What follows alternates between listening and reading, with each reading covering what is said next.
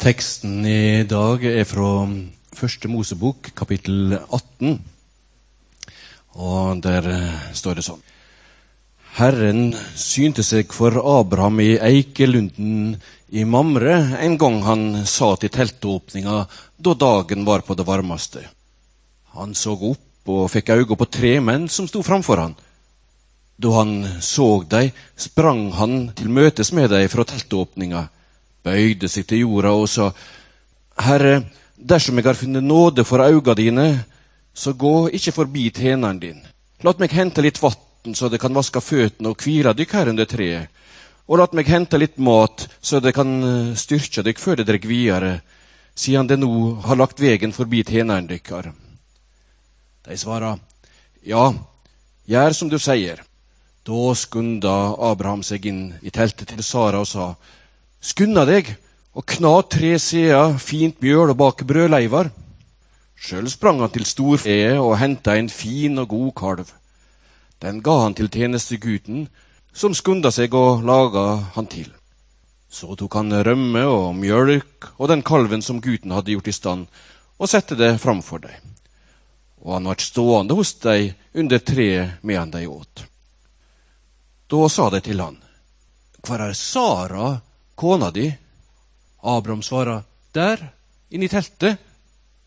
Han sa, jeg kommer tilbake til deg når tida er inne, og da skal Sara, kona di, ha en sønn. Sara hørte det i teltåpninga som var rett bak han. Abraham og Sara var gamle, langt oppe i åra. Og Sara hadde det ikke lenger på kvinners vis. De forlo Sara med seg sjøl. Skulle jeg kjenne lyst, utsliten som jeg er, og herren min er òg gammel. Da sa Herren til Abraham, hvorfor ler Sara og sier, skulle jeg virkelig kunne føde gammel som jeg er? Er noe umulig for Herren? Jeg kjem tilbake til deg når tida er inne, og da skal Sara ha en sønn.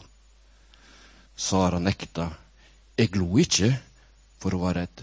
Men han svara, jau, du lo. Slik lyder Herrens ord. Før jul gjennomførte vi i bymenigheten nok en gang en menighetsundersøkelse blant aktive medlemmer i menigheten. Det var den såkalte NAMU-undersøkelsen. Sammenlignet med mange andre menigheter så kommer vi fortsatt godt ut i sånne undersøkelser. Men det vi får dårligst score på, det har vi til felles med, med mange andre i Norge. Og det har også vært det som har kommet dårligst ut ved flere tidligere anledninger. Det er det som eh, kalles for engasjert trosliv.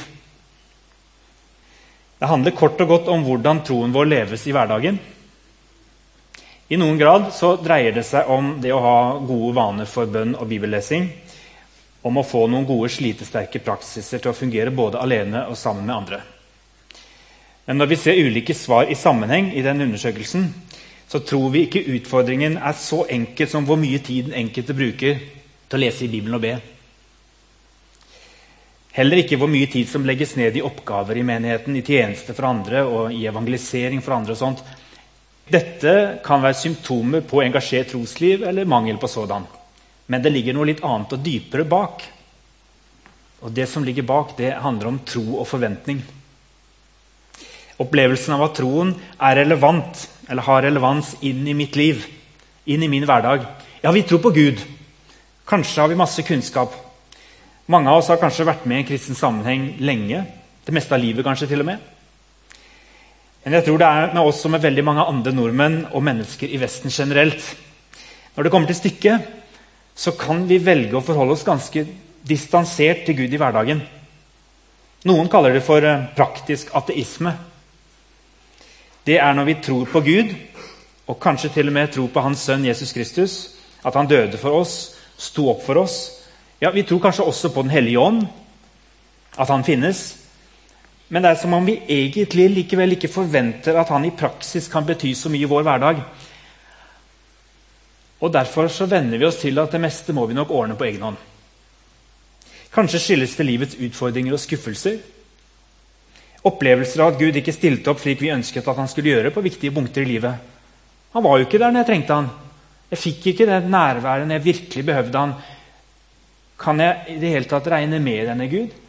Og så sniker det seg inn en, eh, en skuffelse som etter hvert vokser så stor at den påvirker hele troslivet i hverdagen. De fleste beholder troen, eller de forlater ikke troen sin. De beholder den hele livet, men det skjer et eller annet med den. Akkurat som den settes eller flyttes inn, sier, inn i et lite rom i huset vårt. Og det rommet det, det blir kanskje til og med mindre og mindre ettersom tida går. Og så lever vi livet vårt for det meste i andre rom i huset. Vi kan si at det, det blir som om skuffelsene i livet det har blitt råmaterialet. Når vi pusser opp og bygger nye vegger, så lar vi på en måte skuffelsene innramme også troslivet vårt og la det på en måte legge premissene. Det som vi ikke har fått til, det som ble vanskelig, eller som enten dreide seg om personlige kriser, vanskelige ting i livet vårt, eller kanskje dreide seg om skuffelser i møte med mennesker. Og kanskje konkret om det som hadde med skuffelse i menighet. Når vi sakte, men sikkert slutter å forvente at Gud bryr seg om oss og våre liv, ja, da begynner vi å leve og handle i praksis som om han ikke er der. Det verste det er at det til og med går an å drive ganske godt en menighet. En velsmurt menighet til og med som praktiske ateister. Ja, Selv lederne kan leve og handle som om Gud selv har trukket seg tilbake og overlatt jobben til oss. Så åpner vi kanskje opp Bibelen innimellom. Og så finner vi raskt ut at dette det er nok gamle historier og fjerne formaninger som ikke vi kan regne som relevante for oss. Og vår tid, vår kultur, våre moderne liv. Og så tenker vi for oss selv når vi hører om andre kristne som har opplevd at Gud har berørt dem i deres hverdag på en sterk måte Ja, fint for dem, det. Men det fins nok alltids en annen forklaring på det de beskriver som Gud. Og gradvis så blir veien til å dele vår egen tro med andre rundt oss det som står først i vår visjon, det er at visjonen med menigheten er at nye mennesker skal komme til tro på Jesus og bli med. Distansen for å gjøre det den blir bare lengre og lengre. Helst snakker vi om alt annet med kollegaer og naboer, og vi ber heller ikke for venner, familie og kjente sånn i våre daglige bønner, fordi vi forventer ikke. Vi tenker ja, skulle jeg begynne å be om at Gud skulle ordne opp i det, så blir jo det på en måte en slags ansvarsfraskrivelse, for jeg gjør jo ikke noe selv med det. Og så lager vi oss disse forestillingene om Gud som han som er inne i det lille rommet, og som vi i mindre og mindre grad forholder oss til som en som skal bety noe egentlig og gjøre noen forandring. Skal det skje noe her i verden, så må jeg vel gjøre det selv. Og ikke tro at en fjern Gud skal ordne opp. Landet der troen på og forventninger til Gud i hverdagen forsvinner gradvis, det er det landet vi bor i. Og det er klart at vi er påvirka at vi bor akkurat her vi gjør, i Norge. I den virkeligheten vi bor i. Og selv om vi er i menighet, mange av oss, og er engasjerte, så er vi preget av den kulturen vi er en del av. Kjenner vi oss igjen i noe av denne beskrivelsen som jeg gir. Og så kan det være at noen av dere sier hør, dette er, for, det er en overtolkning av de svarene jeg ga på den meningsundersøkelsen i høst. Altså, for det er ikke så dårlig stelt med mitt trosliv. Og det er helt greit at dere sier og tenker heldigvis. Men samtidig så tror jeg også at det kan være en del av oss som kjenner at dette dette dreier seg litt om oss, og så tør vi kanskje ikke å sette ord på det. fordi at uh, dette med tro og sånn er jo en, sånn, er en privatsak, men også noe som kan forbindes med en del sånn skuffelser og dårlig samvittighet. Og så tenker vi ja, ja, jeg, jeg holder munn om hvor vanskelig jeg syns det egentlig er. Og så later jeg som at det går bra. Og Derfor har jeg tenkt at denne høsten så skal vi være ærlige om akkurat hvordan det er, og hvor preget vi er på godt og vondt av omgivelsene våre, av de vi går sammen med. Og så skal vi kanskje våge å utfordre hverandre. Og så hører jeg jo at innledningen på denne visjonspreika ble veldig sånn problemorientert. Og det er Noen som sier du må være litt forsiktig med å si at vi strever med troslivet. Og det kan jeg være litt enig i. at Når vi om, bruker, om det, bruker, sånne ord på det, så kan vi fort gjøre alt til med troen av Gud til et problem. Det er ikke det jeg ønsker å, å si. Jeg vil ikke gjøre noens tro mindre enn den er. Og jeg vil for alt i verden ikke at noen skal begynne å streve med å klare å tro mer. Det er ikke det det dreier seg om. Jeg vil for alt i verden ikke at eh, dere skal tro at troen er noe dere skal prestere. For den er en gave som er gitt oss av Gud. Det handler ikke om hvor mye jeg får til eller klarer å få plass til i mitt hode, men det handler om hva Jesus allerede har gjort for meg en gang for alle. Det er helt flott Hvis dere har alt det på plass, og troen lever sitt liv på den måten. Men så har jeg sagt noe om at hvis troen ikke bare skal overleve, men kanskje også ha som mål at vi skal vokse, så kan vi trenge å utfordre hverandre litt. Og den meningsundersøkelsen den ga oss kanskje en liten anledning til å stoppe opp litt og si ok, men hvis vi utfordres av disse tingene her og kjenner at dette er ikke så enkelt for oss, så forgreiner det seg kanskje i alle deler av menighetens liv. Og kanskje skal vi våge å sette ord på det og, og jobbe med det i vår sammenheng, spesielt nå i høst. Jeg ønsker bare at vi i dette fellesskapet skal snakke sant om livet. Og at vi samtidig skal hjelpe hverandre til å slippe Gud til igjen i alle rommene i huset vårt. Ikke bare det lille rommet som vi kaller for kirkerommet eller menighetsrommet. Og at skuffelser over Gud og mennesker fortsatt skal få lov til å være en del av vår virkelighet, men ikke nødvendigvis at de skal få være det viktigste byggematerialet når vi bygger livshuset vårt videre. Jeg har ikke funnet svarene, men i kjølvannet av menighetsundersøkelsen i høst så jobbet jeg videre på et sånt bokmanus som jeg hadde begynt på tidligere. Og forsøkte å tenke enda mer konkret hvordan vil vi snakke sammen hvis hvis det skal være til hjelp for akkurat det som utfordrer oss på dette området. Og drømmen har vært at den boka den skal kunne være et, et, av flere sånne svar i det som handler om engasjert trosliv. Eller som den heter, 'Disippelrytmer håndfast hjelp til et slitesterkt trosliv'. Og I denne boka så er jeg ganske personlig, så jeg skriver også en god del om hvor vanskelig dette her er i mitt eget liv. Og erfaringen jeg har gjort meg nå når jeg er 44 og Er jeg ikke det snart? og se, og se liksom tilbake på et liv sammen med Gud med masse oppturer og nedturer, der jeg enda ikke har funnet disse rytmene i mitt eget liv. Men jeg tenker ok, jeg tar sjansen på å sette ord på det likevel, og likevel våge å holde fram noen anbefalinger som jeg ønsker å strekke meg mot i eget liv, og som jeg trenger hjelp av dere til å fortsette å øve meg på. Dere vil få høre mer seinere om hva jeg mener med uttrykket rytmer.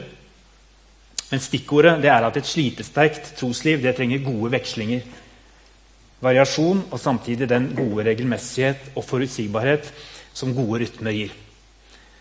Jeg har sagt en annen plass nå også at jeg tror noe av utfordringen er overdrivelser. Og vi kan overdrive på forskjellige måter. Men at kanskje dette med å snakke om rytme hjelper oss til å spørre oss selv hvor er det jeg overdriver i mitt liv. Er det for mye engasjement? Er det for lite? Er det for eh, mye av det ene, for lite av det andre? Håpet mitt er at vi ikke bare skal snakke om troslivet. Det er jo også litt av advarselen som kom i menighetsrådet også i vår. når vi tok dette opp. Ja, Nå må det ikke bli sånn at vi bare snakker om dette her nå da i høst. For vi er gode på å snakke om ting. Som om det er et problembarn vi har fått å hanskes med i våre liv. Dette med det engasjerte troslivet. Eller mangelen på det. Og så møtes vi på gudstjenester og i cellegrupper for å øse ut for hverandre litt hvor vanskelig dette nå er. Det er ikke det vi ønsker. Jeg håper vi skal komme oss fra snakkestadiet til det å øve oss og praktisere sammen og hver for oss. Og jeg våger påstanden at Gud venter på oss. Boka den er bygget opp rundt hånden som et pedagogisk verktøy. og Vi skal fokusere spesielt på én finger hver måned.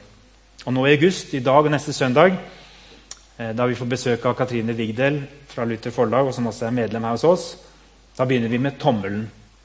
Og Tommelen den står rett og slett for den treenige Gud som ønsker å berøre oss og komme oss i møte på ulike måter, representert ved de fire andre fingrene som får hver sin måned i høst. På side 33 så finner dere det jeg kaller for tommelens stemme. og Det er et slags minneord fra Gud til oss som vi kan ta med oss i hverdagen mens vi øver oss.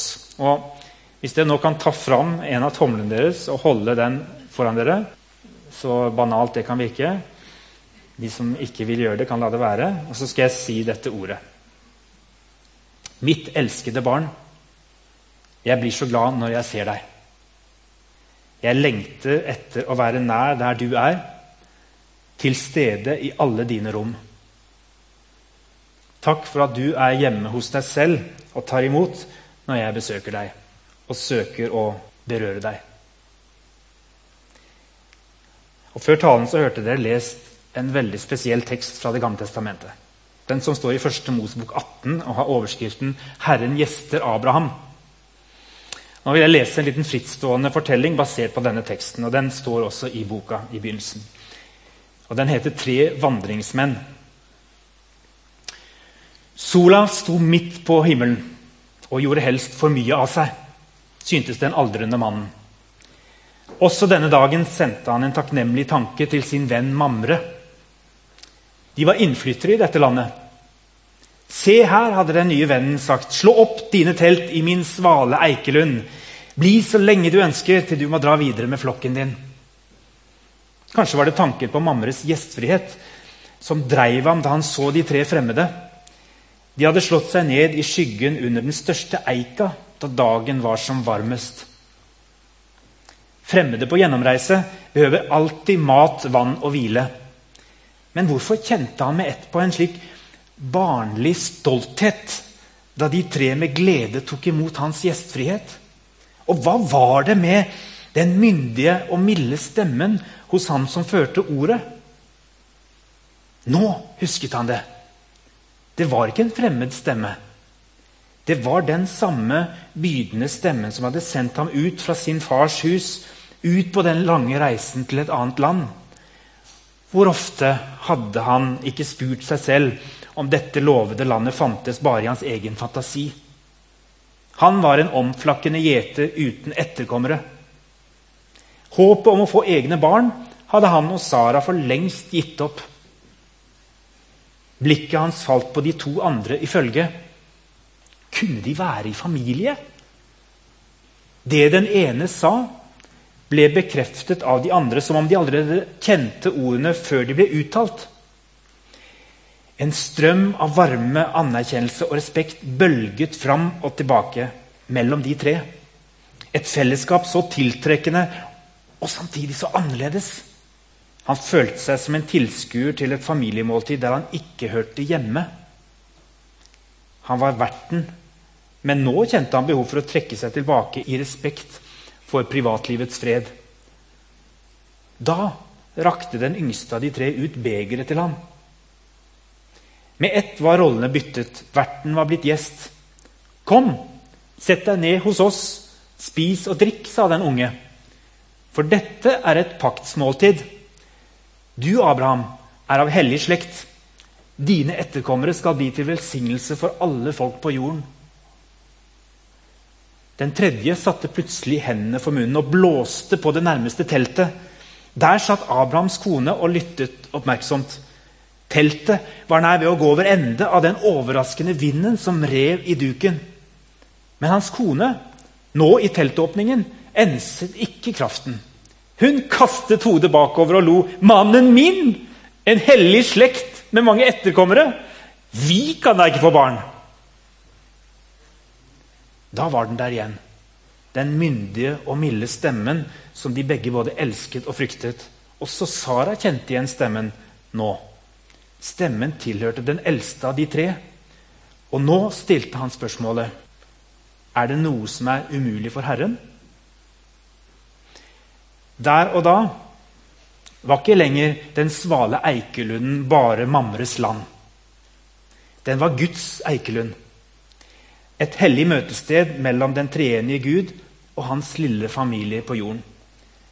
Og slik som den største eika skulle vokse og gi spirer til nye trær og eikelunder i Hebron, slik spiret det fram fra Abrahams og Saras røtter et skudd med kraft til å velsigne alle folkeslag.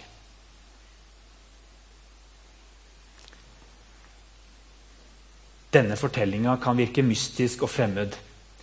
Men til alle tider så har Den kristne kirke tolket dette som en fortelling der Gud selv kom på besøk til Abraham. Ja, Det er jo en selvfølge, men det er liksom et spørsmål rundt disse to andre. Det var altså Gud, men hvem er disse to som går sammen med ham? Kanskje var det Gud og to engler. Det mente jødene.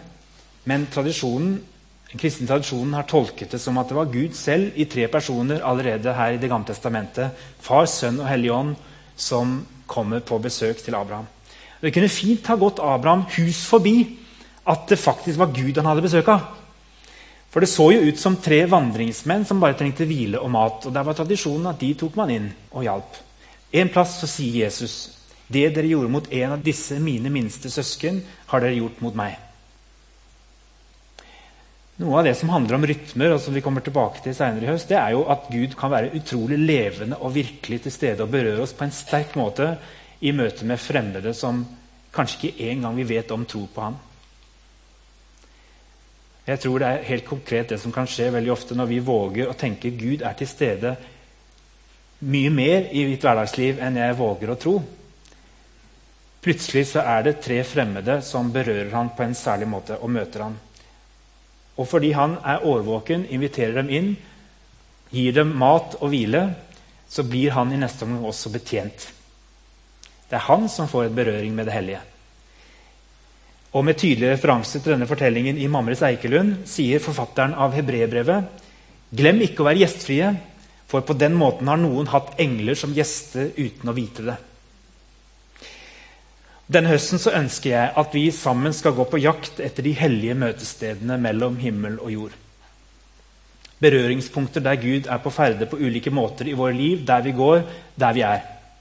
Noen av de møtestedene kan godt oppleves som overnaturlige, men jeg tror at de ofte framstår som ganske hverdagslige ved første øyekast.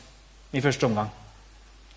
Og Jeg tror det er fullt mulig for mange av oss å oppleve at Gud går forbi oss, og vi merker det ikke.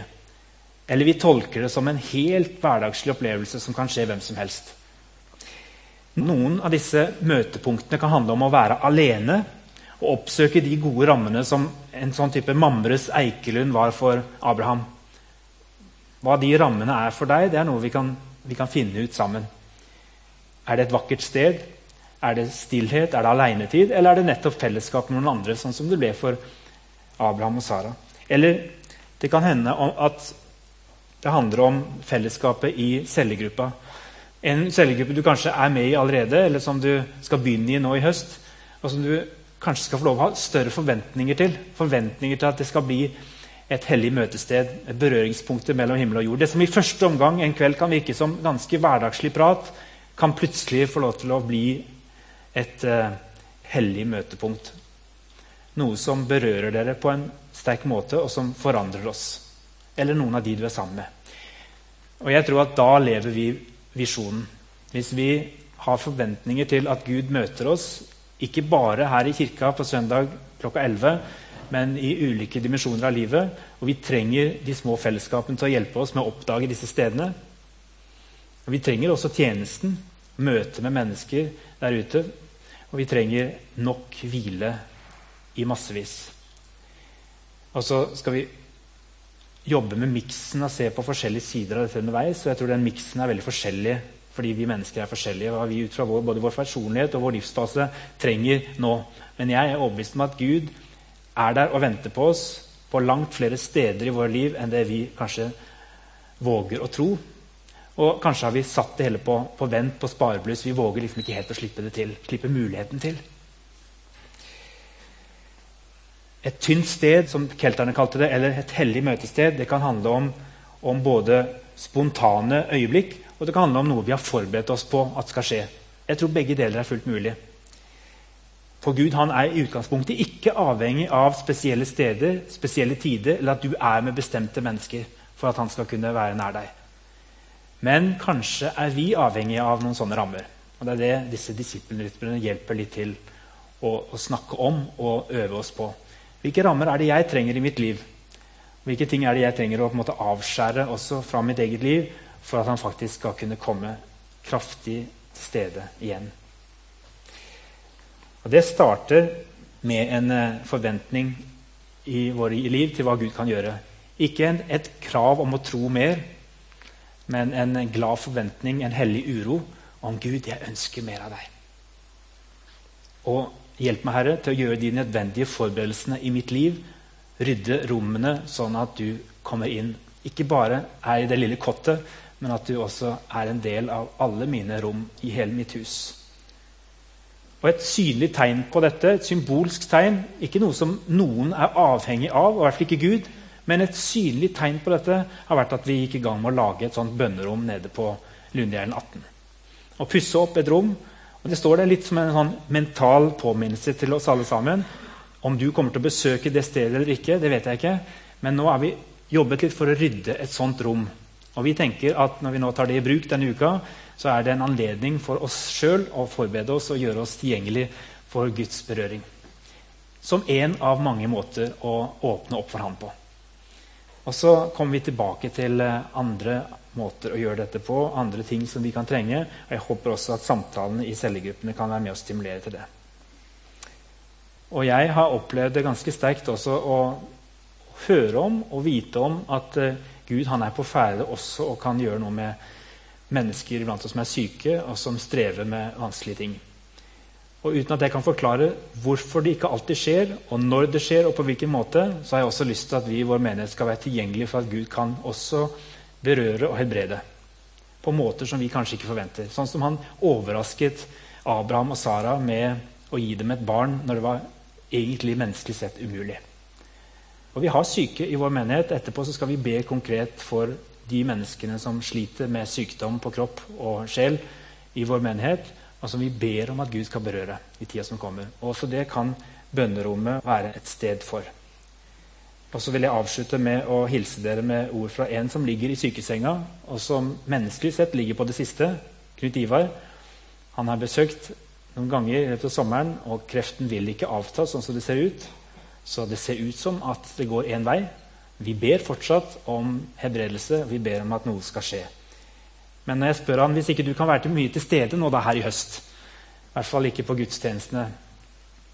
Hvis du må sende Tone Grete i ditt sted, på en måte, og, og sånn, hva, hva, vil du hilse oss i menigheten med? Og så sier han dere må huske å hvile dere. For det har blitt så sterkt for han der han ligger og ikke har så veldig mange, så mye våken, våken, tid som han pleier å ha, og ikke så mye krefter til å gå inn og gjøre veldig mye, ikke gjøre noe som helst, faktisk, så han opplevde veldig sterkt hvilen i Gud. Altså han opplevde at i hvilen så handler Gud, opererer Gud, og det skjer noe. Og så sier han også, det er et uttrykk som han gjentar hver gang vi snakker med han, Freden er så tykk at jeg kan skjære igjen med en kniv. Og det er midt i sykdommen og midt i det som er vanskelig. Så berører Gud, og så ber vi også om at han kan berøre her og nå kroppen, sånn at den blir hebredet. Men til oss alle sammen, inn imot høsten, inn alt det som skal skje i våre liv, ikke bare i menighet, men på jobb, i hverdagen vår, i familien våre Dere må huske å hvile dere.